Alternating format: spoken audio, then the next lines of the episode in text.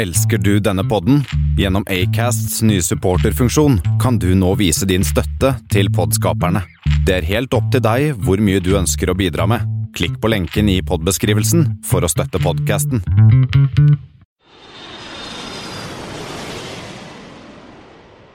Velkommen om bord på Flypoddens eh, flight 20. Eh, Det har i dag blitt eh, 22 Jo, 20 episoder og fem måneder. Det er det blitt eh, 22. juni, og mens eh, hele Norge lengter etter sommerferie, så er vi i Flypodden fortsatt i full drift, men bitte litt forsinka. De som skal sitte her og nerde med deg i dag de neste 25 minuttene, er Kristian Kamhaug. og Thomas Lone. Og det er jo ganske utrolig, Kristian. Fem måneder, 20 episoder, eh, og vi har fortsatt ennå ikke gått tom for ting å snakke om. Nei, altså det er, eh, det er kjempegøy. Jeg synes det er, Vi har masse ting på blokka. og vi, neste uke skal vi møte litt spennende folk. Og, og, om du sa sommerferie, så har det en del av mine favorittpodder, sånn som Aftenpodden og Giæver Joffen og sånn, de har nå tatt sommerferie, sier de. Men det gjør jo ikke vi. Vi har jo tenkt å holde på hele sommeren. Men det kan hende at vi eh, ja, Vi har jo prøvd å komme ut på torsdager, men det er jo ikke sikkert vi får til det på, i løpet av sommeren. Litt alt etter om hvor vi er og hvilket utstyr vi har med oss. sånn, Så kan det hende at eh, lyden kan bli litt sånn bob-bob, men vi prøver å, å få igjennom en episode i uka. Og nå, som kanskje noen hører, så er jeg litt forkjøla. Jeg har vært i London og sovet på rom med bra aircondition, og sovet med rumpa bar og åpen munn, og da blir det gjennomtrekk, som du vet, Thomas. Ja, det er du som eh, begynner å komme litt opp i året, Christian. Du må passe deg for trekken. Ja, livsfarlige, livsfarlige greier. Men eh, når du var i London, hvordan eh, kom du deg dit? Jeg regner med at det var ikke med båt? Nei, jeg, tok, eh, jeg fløy med SAS. Jeg hadde noen poeng jeg skulle bruke opp, så tok jeg meg en, en, en, eh, poengtur. Jeg uh, var i London for å holde et foredrag på en konferanse. Uh, hvor jeg snakket litt om hvordan vi i Intrum har jobbet med Workplace by Facebook, som er et sånt Det er Facebook og jobben, egentlig, som er vårt nye internkommunikasjonssystem. Funka superbra. Da var jeg ble invitert til å snakke på en konferanse som het Social Media in Finance. Så det var litt gøy.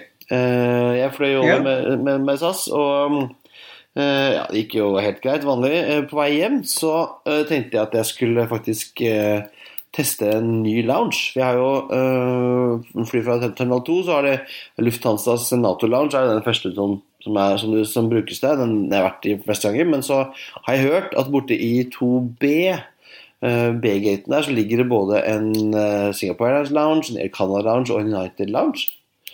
Eh, og eh, fra folk jeg kjenner som har vært der, så har de sagt at den beste er egentlig United-lunsjen. Der er det dusj det er stor bar og greier. Så jeg tenkte at «Å, ja, jeg får gå tasse bort dit. Da hadde jeg faktisk litt god tid for en gangs skyld. Og du bruker, jo, du bruker jo et kvarter på å gå ut dit. Så det er jo en, et, et, Ja, det, det er langt. ja, det er langt. Også, selv om det var bra aircondition på, på hotellrommet mitt, så var det altså, Engelskmenn kan jo ikke aircondition, så det var jo til stede ganske, ganske varmt. Så jeg ble jo god og svett da jeg kom bort, eh, kom bort dit. Men, eh, men eh, den United Club Lunsjen den var fin, den altså. Det var, det var bra utvalg av drikke. Det var sånn Man kunne gå og plukke seg en, en boks cola i, i kjøleskapet der. Må innrømme at jeg tok meg en i bagen også på vei på flyet. Eh, og det var eh, bra med mat. Det var, sånn, det var tacos og det var eh, noe nudler og greier. Det var litt dårlig med snacks. Jeg som savna å ta, ta meg noe, noe sånn pretzels eller noe sånt etterpå. Men eh, det var bra mat. Det ble, en- ble en taco og litt sånn småtteri for meg. Um, og så er det en, en svær, lang bar hvor de til og med har, som har sine egne signaturdrinker. Så jeg bestilte en eh, Coco Bello. Jeg er litt sånn svak for uh, kokosgreie. Den, den var grei, den altså. Den var, eh, det var ikke den beste drinken jeg har smakt, men eh, det var, de, var ikke, de var ikke gniende på spriten, eh, for å si det på den måten. Så, så jeg brukte, brukte litt tid på å drikke opp den der. Eh, og Ja, riktig. Fikk du prøvd dusjene, da? Eh, jeg hadde Jeg vurderte faktisk å ta, å ta meg en dusj, for jeg hadde tatt meg ekstra skjorte. Det er et triks jeg har lært. eh, at man må ta med seg ekstra skjorte når man er reiser. For at du blir jo varm og svett på, TV på tuben og sånn, så det var, hadde vært greit å, skifte. Men så hadde jeg egentlig ikke tid til å ta meg en eh, full dusj, og jeg sånn, hadde jo ikke noe rent undertøy. Sånn, så jeg bare, ja, jeg bare skifta skjorte og, og tok på en ny deo, så var jeg, var jeg klar for, en, eh, for turen videre. Altså. Så det så veldig, mm, det så veldig greit ut. Det var faktisk ledig dusj, men jeg har- orka ikke å styre med det. Um, men Så jeg, jeg tror Altså, jeg har, jeg har gjort det nå en gang. Jeg tror ikke jeg gidder neste gang, for det var, det var et godt stykke bort, og det ble sånn enda lenger hjem eh, tilbake igjen. For det ikke Det er jo sånne rullefortau eh, når du skal dit, men så er det ikke rullefortau tilbake, så det ble ganske langt å gå og slepe med seg håndbagasjen. og sånn, så det, jeg, tror ikke, jeg tror ikke jeg gidder det en gang til. Hvis ikke jeg eh, har sånn, timevis og skal ha meg en dusj, så gidder jeg ikke. Ja, riktig. Eh, Men eh, alt i alt, eh, jeg syns London Heathrow er en helt super flyplass. Jeg elsker T2, og, på vei ut til eh, takeoff så taxa vi jo helt inntil Concorden, Thomas. Uh, Åh. Nice. Jeg forbanner meg hver gang jeg ser den, så tenker jeg åh, jeg hadde sjansen til å fly den, men droppa det. Jeg venta. For lenge. Mm. Og du, har du, har du flyttet fløyt nå, Thomas? Ja. Jeg har vært en liten tur i Kristiansand og tilbake. Så det var ikke de største Det var ikke noe lounge der, for å si det sånn. Men eh, ja, kjapt inn, kjapt ut, effektivt og greit. Og så blir det en liten eh, Nord-Norge-tur igjen til uka. Ny flyplass på kartet, Stokmarknes, som jeg aldri har vært på. Så det blir jo eh, det blir spennende. Det er jo en av de flyplassene i Nord-Norge som eh, de mener faktisk er kommersielt eh, levbar, selv om de ikke hadde fått statsstøtte. Fordi at den eh, har såpass mye trafikk og mye flighter og litt sånn, så det blir spennende med en ny flyplass der. eh, og, og se på hvordan den er. Ja, gøy. Eh, Jeg har noen rykter om Christian, at du ønsker å komme med en liten eh, rant før vi går i gang og ser på nyhetene. ja, altså eh, Jeg har jo en såpass bra mobilavtale nå at jeg, har, at jeg sjelden at jeg trenger å bruke sånne Koble meg på sånne gratis wifi-nett på flyplass og sånn. Men på Heathrow Ja. nå så hadde jeg, var det så dårlig dekning, så jeg at jeg må koble meg på wifi-en. Men også Altså, Heathrow og alle andre som har wifi-nett, dere må slutte med å ha en sånn eh, Jeg må logge meg inn med navn og e-postadresse og sånn. Dere må slutte med det. Hvor dumme tror dere at vi er, og hvor dumme er dere egentlig? Altså, herre min. Eh, hvor mange er det som er så dumme, tjukke i huet at de fyller ut sitt eget navn, sin egen e-postadresse, og i tillegg krysser av for ja, jeg vil ha tilbud? Hæ? I 2018. Jeg trenger ikke mer e-post. Ikke i det hele tatt. Så hver gang jeg er på en sånn flyplass eller et hotell eller hvor jeg må logge meg inn og, og liksom legge inn navn og e-postadresse, så heter jeg Donald Duck. Med e-postadressen at dd.no. Og jeg lurer på hvor mange e-poster som sendes dit. For at min Altså, er det mulig? Dere må slutte med det. Ja, hva skal dere med e-postadressen min? Har dere tatt lov? Altså GDPR eh, og, og sånn? Er det mulig? Slutt! Aldri mer. Gi dere. Ferdig. Takk. Heathrow får sende en delegasjon til, til Oslo lufthavn og Avinor. Ja, for, Hvordan de gjør det, for den er ganske sømløs. ja da. eh, Og, og jeg har vært på andre altså, Barcelona og alle masse andre flyplasser har det der opplegget med å fylle inn e-postadresse, navn og adresse og. Hva skal dere med det? Slutt. Gi dere. Det er sant, jeg er helt enig, Kristian, Du har min fulle støtte der. Vi, Eh, vi må videre i sendingen. Ja, det må vi. Vi kan ikke bruke hele eh, sendingen på å eh, surt oppgulp. Nei da, det var ikke så surt. Det var berettiget. Men eh, vi kan jo se på Det har jo skjedd litt ting i verden siden vi var på sist. Det er noen som har blitt pensjonert. Qatar Pacific, eh, flyselskapet, har ikke pensjonert seg selv, men eh, de har jo nå eh, pensjonert sin første Boeing 777-200 ER. Eh, og Den var jo litt spesiell, den maskinen, når de nå har pensjonert. Ja, det er jo ikke en hvilken som helst maskin. Den, heter, den har registrering som BHNL. Og det var ikke bare, ikke bare var den da uh, Cathay Pacifics første 777, det var også den eh, aller første uh, 777-200 ut av produksjonslinja. Så det er sånn prototypen på, på 777, og det var den første av da mer enn 1500 eh, maskiner som har sånn blitt, super, blitt liksom en av, av Boeings bestselgere. Eh, og denne her skal jo heldigvis ikke bli colabokser, som veldig mange andre pensjonerte fly blir, men den skal tilbake til fødestedet. Den skal bli uh, donert, eh, tenker jeg. Iallfall havne, skal den havne på Museum of Flight uh, på Boeing Field. Og Der skal den stilles ut sammen med prototypene på 727 og 727 og 747 og andre som står der allerede. Så det blir uh, flott å få den på museum. Ja, riktig. Og det jo Det, det er jo faktisk den maskinen som er registrert med linje nummer én. Altså Det var faktisk den første maskinen som ble bygd. Eh, og Det som er litt sånn morsomt, er jo det at eh, den maskinen, når den ble bygd og levert, så var det jo en sånn demonstrasjonsmaskin. Da ble han eh, satt på med Pratt Whitney-motorer. Men når Cathay Pacific tok imot han i eh, ja, det var vel desember 2000, så han var jo òg godt over seks år når Cathay Pacific tok han da tok de og smekka på Rolls-Royce Trent-motorer. Så, så, han gikk jo seks år holdt jeg på å si, under Boeing sitt flagg og registrering, før han da bytta registrering og hjem og motorer, og har fløyet da for Qatar Pacific i, i 18 år. Og han ble jo den ble jo produsert i juni 1994, ble den uh, tatt i bruk. Så den har jo akkurat runda 24 år. Og det er litt sånn pussig. Jeg tenker jo på at 777 det er en ny flytype, men uh, som sagt, Den eldste maskinen har jo allerede rukket å bli 24 år blank i disse dager. Så, så de begynner å dra på årene, noen av disse 777-ene òg. Men de har tydeligvis ikke hatt de samme utfordringene som man har hatt på andre CPA 380 og 787, der, der de første maskinene blir skrota ganske fort fordi at de er mye dårligere enn en de som er levert på senere tidspunkt. Jeg vet ikke, har, har det, det finnes jo en del sånne eh, fraktmaskiner som er levert som frakter. Men har du sett noe særlig på om det har blitt noen som blir konvertert fra passasjer til frakt? Det er jo et, det er en veldig populær fraktmaskin. Ja, ja. Uh, Boeing 777F uh, eh, er jo en veldig populær maskin, men sånn som jeg har sett, så, så, er det ikke noen som har blitt konvertert til frakter ennå. Det tenker jeg er rett og slett for at de er fortsatt så populære som passasjermaskiner ennå, at markedet for å på en måte ta, ta de fra passasjer til fraktmaskiner, er ikke, er ikke der ennå. Det er alltid noen som vil ha brukte 777. Se på våre venner i Zimbabwe.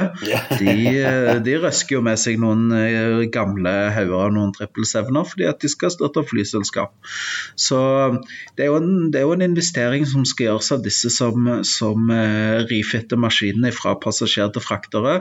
Eh, sertifiseringer som skal på plass, det er dekk som skal forsterkes. og osv. Så, videre. så Så det er jo Det er jo eh, Markedet er ikke kommet der ennå at det er på en måte det er interessant, all den tid 777-ene eh, er så gode som, som passasjermaskiner ennå. Eh, og mens vi er inne på fly som bytter liksom, bruksområde, så har jo Malaysian Airlines skulle jo ta sine A380-er og gjøre om til sånne high density Hajj-maskiner med 700-800 paks. Men det ble det ikke noe av? Nei, frem og tilbake er jo like langt, sier de. Men jeg sier jo at det er dobbelt så langt. Eh, nå fikk vi meldinger om eh, denne uka her at eh, Malaysian Airlines snur. De tar ikke og stapper inn 700 economy-seter i A380-ene sine likevel. De holder de på eh, den konfigurasjonen de har, med 496 seter. Um, så uh, ja, Grunnen til de sier det, er jo det at de har gjort en, eh, en kost-nytte-analyse. Og de har forstått mer av hajj-markedet. Eh, og hvem er disse pilegrimene? Og funnet ut at eh, ja, de er kanskje litt mer eldre og, og si litt mindre robuste passasjerer. Så kan sitte mange, mange timer i veldig trange seter. Så de de eh, tenker det at eh, det er gjerne ikke så lurt allikevel å, å kjøre en så uh, ja, De tenker det at det er ikke så lurt å fylle opp maskinen med 700, de bare tenker at vi holder det der vi har. For det er jo en kostnad det å gå og dytte inn mer seter. Så de, de, sier at de vil fortsette å bruke A380-en når det er topper eh, i produksjonen. Hvis det er mye som skal tas under, så, så um, vil de bruke A380-en. og da, da, snakker man om hele rutenettverket til Malaysia Airlines. Og da tenker de at eh, da er det ikke optimalt med 700 seter, for da blir det et annet produkt som de, enn de tilbyr på sine andre maskiner. Så, ja, så det, det nok, de har nok våkna litt opp da og tenkte at ja, de, det, det, er gjerne ikke et marked for disse 700 økonomisetene i en A380. Det er nok bedre å holde, holde, på det vi har. Ja, og litt som vi snakket om forrige gang, også, når det gjaldt A380, så er det jo uh, veldig, det er veldig dyrt å rekonfigurere og sette inn nye kabiner. Så jeg skjønner jo at uh, de kanskje beholder det som de er. Ja. Og um, det er helt riktig, Christian. Så, det, så, vi får se hva Malaysia Airlines gjør. Kanskje siste ord ikke sagt. Kanskje de skal rekonfigurere det på nytt. Kanskje det blir sånn super luxury VIP-fly. Vi får se. Og siste ordet er heller ikke sagt i kampen om Norwegian, Thomas. For der har det plutselig meldt seg litt nye aktører igjen. Karsten Spor i Lufthansa utelukker ikke at han eh, drar frem sjekkheftet og skriver en sjekk til Norwegians aksjonærer. Eh, Lufthansa har jo gått ut eh, med en melding til Norwegian, styret og ledelsen, om at vi er interessert i å kjøpe Norwegian. Og da tenker jeg eh, dette blir litt mer eh, spennende for oss her på Berget. fordi at man har jo Lufthansa har jo i mange år eh, vært en eh, partner av SAS. De har eh, hatt joint venture på ruter fra Tyskland, det er kutta ut nå. Og SAS og Lufthansa har distansert seg litt mer, men det har jo vært rykter om at Lufthansa skal kjøpe SAS.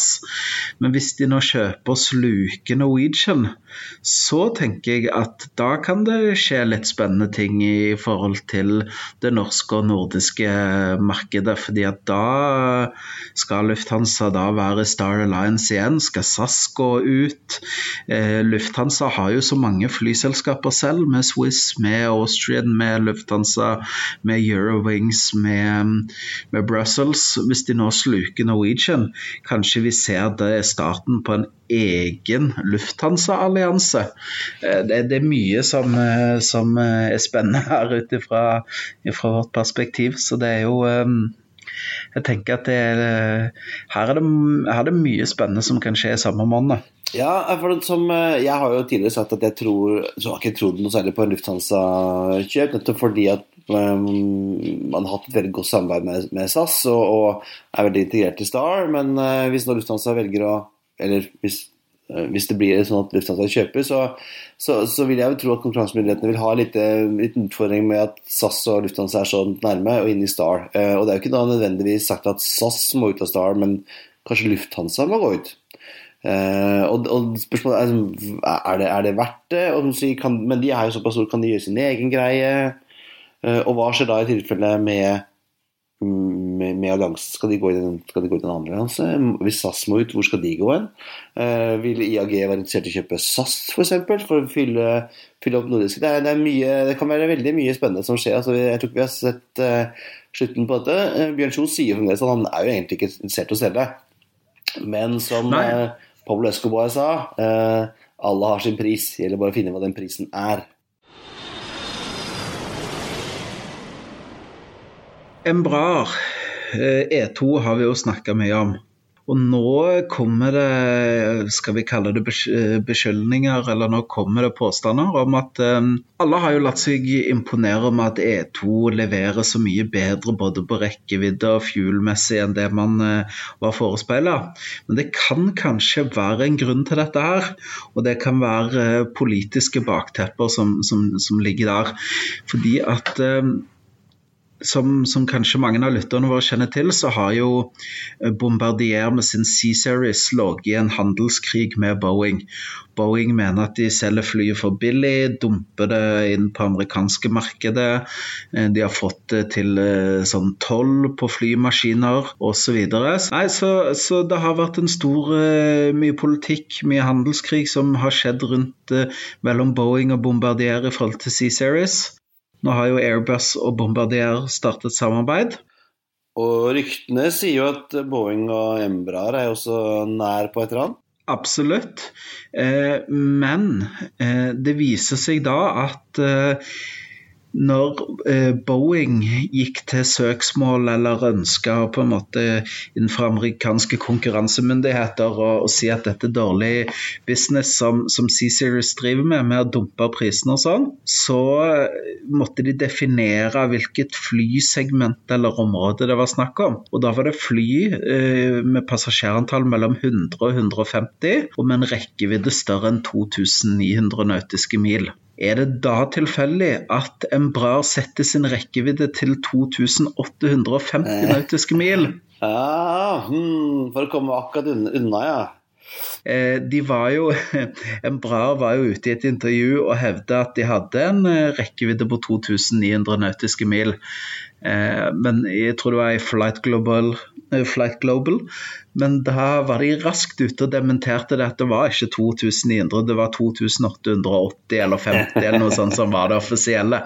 Så det var noen som hadde forsnakka seg der, da. Så det er, det er jo litt pussig da når et fly yter en mellom 10 til 15% bedre enn det som er avertert. Da, da tenker du at uh, dette er jo folk som kan regne. De bygger fly. De kan sine modelleringer i forhold til performance og, fuel-forbruk og den type ting. Uh, da tenker jeg det ligger noe mer bak det enn bare at man uh, ja, at, at, at, det viser seg wow, obs, flyet yter visst mye bedre enn det vi hadde forutsett. Så jeg, jeg, tror det er mye politikk det, og handelspolitikken i bildet her. Um, spesielt så er det kanskje gunstig da for en brar å være utelatt i dette uh, utenfor denne konflikten mellom eh, Boeing og Bombardier den tid. Der er rykter om at en brar og Boeing skal inngå i et uh, kommersielt samarbeid. Boeing vil jo ikke lage noe mindre maskiner enn 737 Max 7, sier de. Så, så, da er det jo et rom i, i Boeings produktportefølje som en brar kan fylle veldig godt. da. Så, så det blir spennende å se. Det er i hvert fall um, en god miks av både handelspolitikk og strategisk uh, salg av flymaskiner som, som, uh, som, skjer her. Ja, og Mens vi er inne på C-Series, så har vi jo snakket om at vi tror på flere ordre i og med at dette flyet har bevist nå kommersielt uh, i drift at det er enda bedre enn det, enn det enn, enn, enn lovet. Og nå eh, har det visst kommet en ordre på 60 maskiner fra et nytt flyselskap i USA. Eh, der som, som eh, bl.a. David Nealman står bak. Han kjenner du, Thomas? Ja, det er jo han som eh, i sin tid eh, grunnla JetBlue, som har hatt en voldsom suksess i USA. Så dette er jo en, eh, en mann som kan, kan, sine startups innenfor flybransjen. Ja, Han har jo starta Morris Air tilbake på 90-tallet, og, og solgte den til Southwest. Dro til Canada, startet Jet Eh, nei, West, startet WestJet eh, fordi han var i konkurransekarantene, kunne ikke gjøre ting i USA. og Så kom han tilbake og startet JetBlue, som i sin tid var den best kapitaliserte oppstart innenfor flybransjen noensinne. Gikk ut av JetBlue i 2008, gikk ut eller ble kasta ut, mm, hvem vet. Dro til Brasil, hvor han har statsborgerskap i og med at han har bodd, eh, bodd der foreldrene hans var misjonærer. Han dro til Brasil, startet et nytt selskap der som heter Azul, som betyr øh, blå på portugisisk, som også har blitt kjempesuksess der. Eh, og nå er han på vei tilbake til USA for å starte et nytt flyselskap som har fått navnet Moxie. Foxy Moxie? Mox, ja, Moxie er, eh, betyr jo det å ha baller, og det har jo denne mannen, helt klart. Eh, og han har fått, fått, med seg et bra team, bl.a. har han fått med seg Robert Milton, tidligere toppsjef i Air Canada og styreformann i United. og et par andre, bl.a. en tidligere toppsjef i leasingselskapet ILFC. Så han har et bra team med seg. Har skaffet 100 millioner dollar i oppstartkapital. Eh, og da har visstnok bestilt 60 nye eh, Bombardier CS 300. Riktig. Og eh, har de sagt noe om skal de fly mainline? Er det sekundærflyplasser? Hva er på en måte forretningsområdet? Hva er businessplanen? De gjør litt sånn, der, sånn Ryanair gjorde i starten. Fly fra ingensteds til ingensteds. Men de altså, satser på fly fra det de kaller for sekundærflyplasser. Ikke de store flyplassene, men liksom de litt utafor. Og Og ikke først og fremst fordi at det er billigere å fly der, men fordi at det er mindre, uh, mindre flyplasser. Det er mindre trangt, det er mindre folk, det er mindre hassle, mindre forsinkelser. Uh, og sånn sett og sanser de på som å, å, kjøre mindre fly mellom mindre flyplasser uh, til mindre pris. basic. Ja, riktig. Men en ting jeg tenker på når vi snakker om Moxie, er ikke det altså navnet på syns jeg husker det navnet på en eh, sånn hotellbrand eller hotellkjede eller noe sånt? Jo da, Moxie Hotels er uh, sånn lavprissegmentet til, uh, til Marriott. Som er litt sånn, Det er billig, men det er sånn, det er sånn cheap and cheerful. Litt sånn som um, Choice sine Comfort Express-hoteller. Som er sånn billige, men de er litt sånn kule og hippe. Um, så jeg vet liksom ikke om, om, om, Moxie er som et arbeidsnavn. JetBlue heter jo New Air før det liksom ble, ble starta. Så det kan hende det være en arbeidsnavn og spille litt på at, eh, at, dette er en gjeng som har baller også. Uh, men det kunne vært interessant om det faktisk var et samarbeid der med, med, med Marriott og kunne hatt et hotellkjede og et flyselskap som begge skulle liksom være litt, litt, cheap and cheerful og, litt, litt, kule brands. Ja, det har vært gjort før. Ja, og det med litt sånn, eh, Jeg syns det er veldig morsomt med hvordan man velger å markedsføre eh, brandet sitt, eller merkevaren som man prøver å bygge opp. Eh, du har jo sånn som f.eks. innenfor flybransjen, da, så syns jeg det er jo veldig kult sånn som Air New Zealand, hvordan de markedsfører seg. Spiller veldig mye på humor, har litt sånn kule uniformer som er litt sånn knæsj i fargene eh, og sånn, men, men, samtidig så leverer jo de utrolig god kvalitet, da.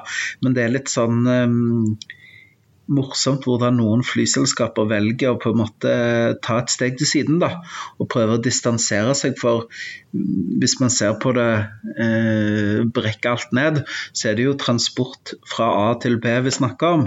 Eh, men hvordan på en måte skal man distansere seg fra resten av hordene når, når, når, vi egentlig driver på med det samme. Det syns jeg er litt kult, da, som, som, en del forskjellige flyselskaper gjør. da. Og just blue når de starta, så var, ønsket de å være litt, sånn, eh, litt, kul, litt kule og litt annerledes. Eh, med at liksom, De serverte jo eh, ikke noe mat, men du fikk gratis snacks så mye du ville ha blå potetgull, eh, blå M&M's eh, og noe blå saft. Det var liksom, det skulle være litt gøyale. Nå har jo de også blitt litt, nær, litt likere, likere de andre. De har jo til og med begynt å charge for, eh, for bags. og og litt sånne ting. Så det, det, det, er, det, er, veldig kult om du har selskaper som tør å gjøre litt nytt. Og også om det koster litt mer, så, så la oss lage et brand som folk velger å, å kjøpe fordi det er litt annerledes. Liksom Virgin f.eks. i mange år var jo sånn brand man valgte fordi det var litt kulere. Ja, det var litt sånn spesielt litt annerledes. Hadde en eksentrisk CEO på toppen, og det var Ja, Virgin Atlantic er vel kanskje det nærmeste man kommer den type flyselskap i Europa da, som ønsker, eller i hvert fall har prøvd å distansere seg litt fra resten av gjengen i markedsføringen og, og hvordan de bygger opp merkevaren sin. Ja, så det mer, eh, En annen ting som blir spennende å følge. Nå har, sier, jo, sier jo mm, disse investorpapirene som har lekket, at, at de satser på en oppstart i 2020, men at det kan bli enda tidligere. Alt ettersom når det er tilgjengelig C-series å få. Men det som er litt interessant også med denne bestillingen på 60 C-Series, er jo på en måte at dette er jo starten for eh, C-Series-linjen i Mobile i Alabama. Eh, og sånn som jeg forstått det, så fyller jo denne ordren da eh, de første to årene i, i, for den produksjonslinja da, i Mobile Alabama. Så det er jo litt sånn eh, Det har vel litt med hvor fort kan man klare å få den produksjonslinja opp og stå, da. Eh, I forhold til, eh, i forhold til eh, når man kan starte opp.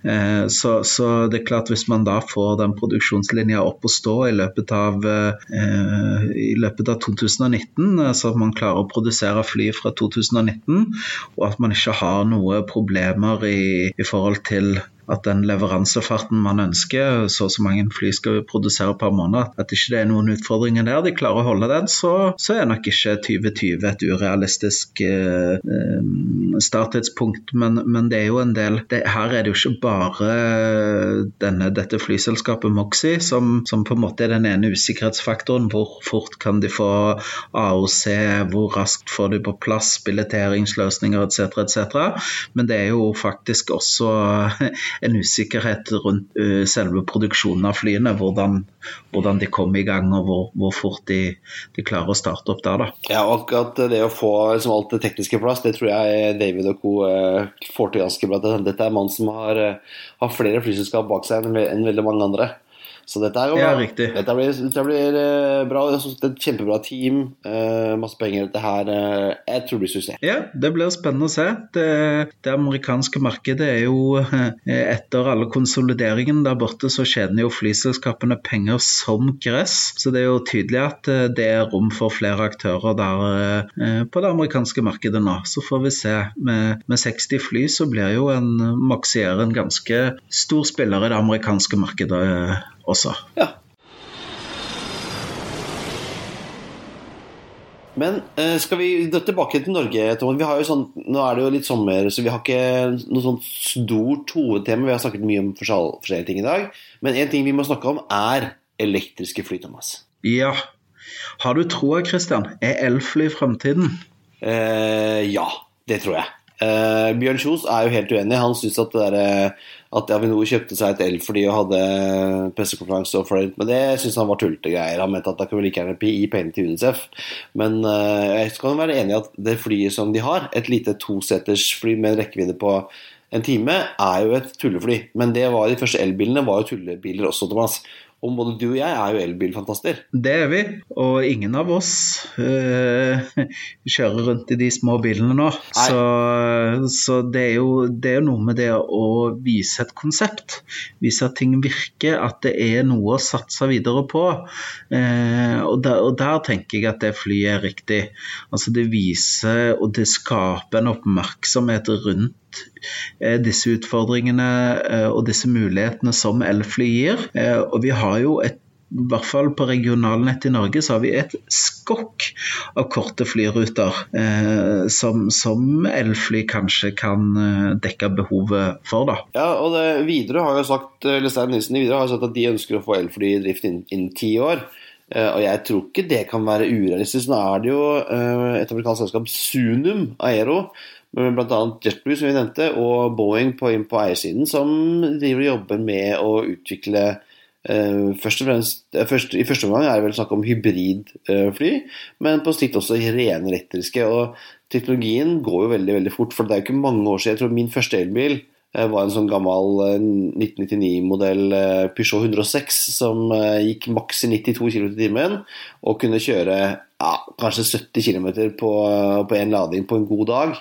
Eh, men det har jo skjedd masse på, den, på, den, eh, på den, eh, de få årene. Og det har vært drevet mye av, av at myndighetene ønsker å elektrifisere bilparken. Nå har vi mange elbiler har vi i Norge nå? 60 000? 70 000?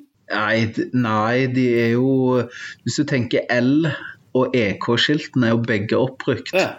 Der er det jo da 90 000 i hver, og så blir det en del skrota, så det er vel, det er vel ja, Nå sitter jeg ikke på de tallene, men jeg tipper at vi er tett opp mot 200 000. Ja, og, og, teknologien går jo veldig veldig fort. Eh, og det har jo både, både Airbus og Boeing har, har, jo innsett det. Og de jobber jo både med samarbeidspartnere i Europa og USA på hvordan kan man utvikle både hybridfly og rene elektriske fly. Og de her, eh, Sunum er kanskje de som kommer lengst, og de har jo planer både om 19-setere eh, og 30-setere og 50-setere i hvert fall i starten.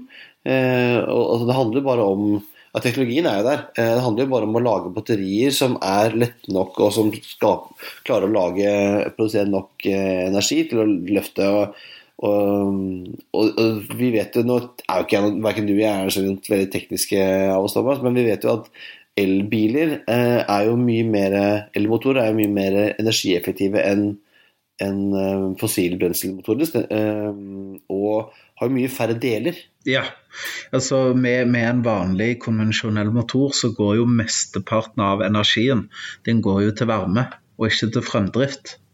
Så, så, og, i, og, i, en elmotor så er jo hele det regnestykket snudd på hodet. Der går jo mest av energien til framdrift, og ikke til varme. Så det er jo klart at uh, det er mye å hente her, da. Uten at vi skal påberope oss å være noe uh, elektro- eller maskiningeniører, så, så, er det ganske enkelt å forstå. Ja da, og, og jeg tror nok at uh, Bjørn Kjos sier at det kommer ikke til å skje på 30-50 år, men jeg tror teknologien uh, endrer såpass fort. På, særlig batteriteknologien skjer jo sånn, som går som i store leaps. Jeg tror at uh, helt er helt innafor at vi kan få elfly i løpet av ti år. Altså, det er jeg helt sikker på. Ja, og det er jo, i Norge er jo spesielt godt egnet for elfly, av, av, to grunner. Vi flyr utrolig mye. Vi flyr mest per capita i hele verden. Eh, og vi har en flyplass på hver Oddernes. Og det er faktisk 20 ruter på kortbanenett i Norge som er under eh, 170 km. Sånn, så, så, du har 20 ruter som er i drift i dag, som er mellom 38 til 170 km. Så det er jo veldig mange, eller en god del av rutene, er såpass korte at du trenger ikke de vanvittig store batteripakkene. Og det er jo snakk om at selv med dagens teknologi, så vil de rutene nesten kunne flys. Fordi at eh, det er jo noe med hvor mye strøm får man lagra per kilo batteri så, så, er vi nesten der at vi kan, eh, kan, fly disse rutene på et fornuftig nivå med elfly i dag, hvis flyene hadde funnes. Men de sier jo det at de første flyene som, som vil gå, eh, elflyene i Norge, vil jo være såkalte hybrid-elektriske fly. Da. Eh, det vil jo være elektriske fly, men med en backup-generator som da blir powera av vanlig bensin, bensin, eller et eller annet form for drivstoff. Så, så de, de de første flyene som kommer til å være elektriske, kommer nok ikke til å være helt 100% elektriske, men det vil være en sånn hybridløsning i starten. Men, eh, men, eh, de sier jo det at i løpet av en 10-15 år så, så, vil eh, batteriteknologien være slik at man har en kapasitet som gjør at man kan fly med rene elfly ca. opp til 500 km og sånn ca. én times flighter kan man fly med rene elfly. Så, så, det blir veldig spennende. da. Uh, vi er i en sånn brytningstid der på disse kortbanerutene så, så, skal du ikke se bort ifra at i løpet av relativt kort tid da, at, uh, at vi, vi, får se elfly. Så det, dette, dette, er noe som jeg syns er veldig spennende. Uh, ikke fordi at man kan være for eller mot elfly eller ting som er på strøm, men man kan i hvert fall si at det er ja, mer effektivt, energieffektivt, og det er utslippsfritt. Eh, og det er jo to ting som, som er bra i seg selv. Og når man vet at fly som trengs på kortbanenettet, som Dash 8 100 til Widerøe. De har jo snart ikke mer levetid igjen. Det finnes ikke fly. Så da er det jo nesten, spør du meg, da, idioti å utvikle nye fly eh, kort, for kortbanenettet som ikke er elektrisk. Altså, jeg tror at framtiden er elektrisk, så, så det blir veldig spennende å se på. Der er vi helt enige, du og jeg og Stein Nilsen. Framtiden er elektrisk. Du, vi har jo en liten rettelse, Kristian. Vi fikk jo ehm, Vi har jo veldig engasjerte lyttere. Takk for det. Og en av de eh, mest engasjerte og, og friend of the pod, eh, Espen Næss. Eh, vi skulle jo egentlig hatt med han i en podkast, men den gikk litt fløyten av tekniske årsaker i vår litt spede barndom når vi ikke var så erfarne, han kom jo med en rettelse i forhold til dette med A380 på museum. Ja, eh, fordi han, vi sa at det var jo ingen, men det er det jo i hvert fall en som er på vei. Fordi at Airbus har jo donert en av prototypene sine, en som heter MSN 4 Uh, den donerte de, donerte til uh, Musée de l'Air et d'Espace, uh, som ligger på Le Bourget i Paris. Fikk, de fikk den i fjor, men den skal på utstillingen, løp, på utstilling i, løpet av, i løpet av dette året her. Jeg har ikke sett at den har kommet ut ennå. den skal som da bli en del av den permanente uteutstillingen på museet, hvor det bl.a. står en en 747-200 fra Air France, det står en Caravelle og en Mercure og litt annet forskjellig, og noen raketter fra romprogrammet og sånn. Eh, og så har de jo flere sånne haller, museumshaller. Der inne i den ene står det to Concorder. Jeg har vært inne i den ene av de når den sto ute. Eh, og Da står det også en, en av prototypene og en tidligere Air France Concorde. Eh, og så har de jo helt tatt en, en, en, helt utrolig eh, samling av eh, først og fremst eh, franske flyhelikoptre og, og, og, ting til romprogrammet. de har jo en ganske sterk og, og stolt luftfartstradisjon i Frankrike. De skal jo gjøre ting sjøl der. Uh, og jeg var på, på, på Paris Air Show på Anja. Sist jeg var der, så var jeg, tok jeg inn, en tur innom museet, og det er jo, er jo flott. Det er, altså, det er, utrolig hva de har klart å samle innpå der. Altså, så neste gang du er i Paris, eh, ta fri fra, fra Champs-Élysées og ta en tur, av toget ut til Le Bourget og bruk noen timer ute i hallene på flymuseet der ute. Det er, det er, ukens anbefaling, faktisk. Ja, riktig. Da fikk vi sneke inn eh, ukens anbefaling også. Da, da, legger du lenker til hvordan man kommer seg dit og til museet sine hjemmesider ut på, på nettsiden vår, Kristian. Eh, det ligger allerede på flypodden.no. Så bra. Men da tenker jeg at vi sier at det var alt. Det har blitt 20 episoder så langt. Det blir i hvert fall 20 til, ikke sant Christian? Ja, det. Her er det bare the sky is the limit, Thomas. Ja, vi storkoser oss når vi driver på med dette her. Eh, så for, for, at vi fortsatt skal kose oss, og for at vi eh, skal ha motivasjon til å drive med Flypodden, så gå gjerne inn på flypodden.no for å finne lenker til det vi har snakket om i dag. Støtt oss gjerne via Patron. Ligger også lenke til det. Ikke glem å abonnere på Flypodden i iTunes eller i din podkast-app, og gi oss gjerne en fin rating der. Du finner oss også på Twitter at Flypodden, på facebook.com flypodden. Har du et tips, uh, har du spørsmål, eller vil du være gjest, eller kanskje du ønsker å sponse oss, ja, da sender du en mail til hallo.alfredkrøllflypodden.no. Takk for nå, og velkommen om bord neste uke. We truly appreciate your business and look forward to serving you on a future flight.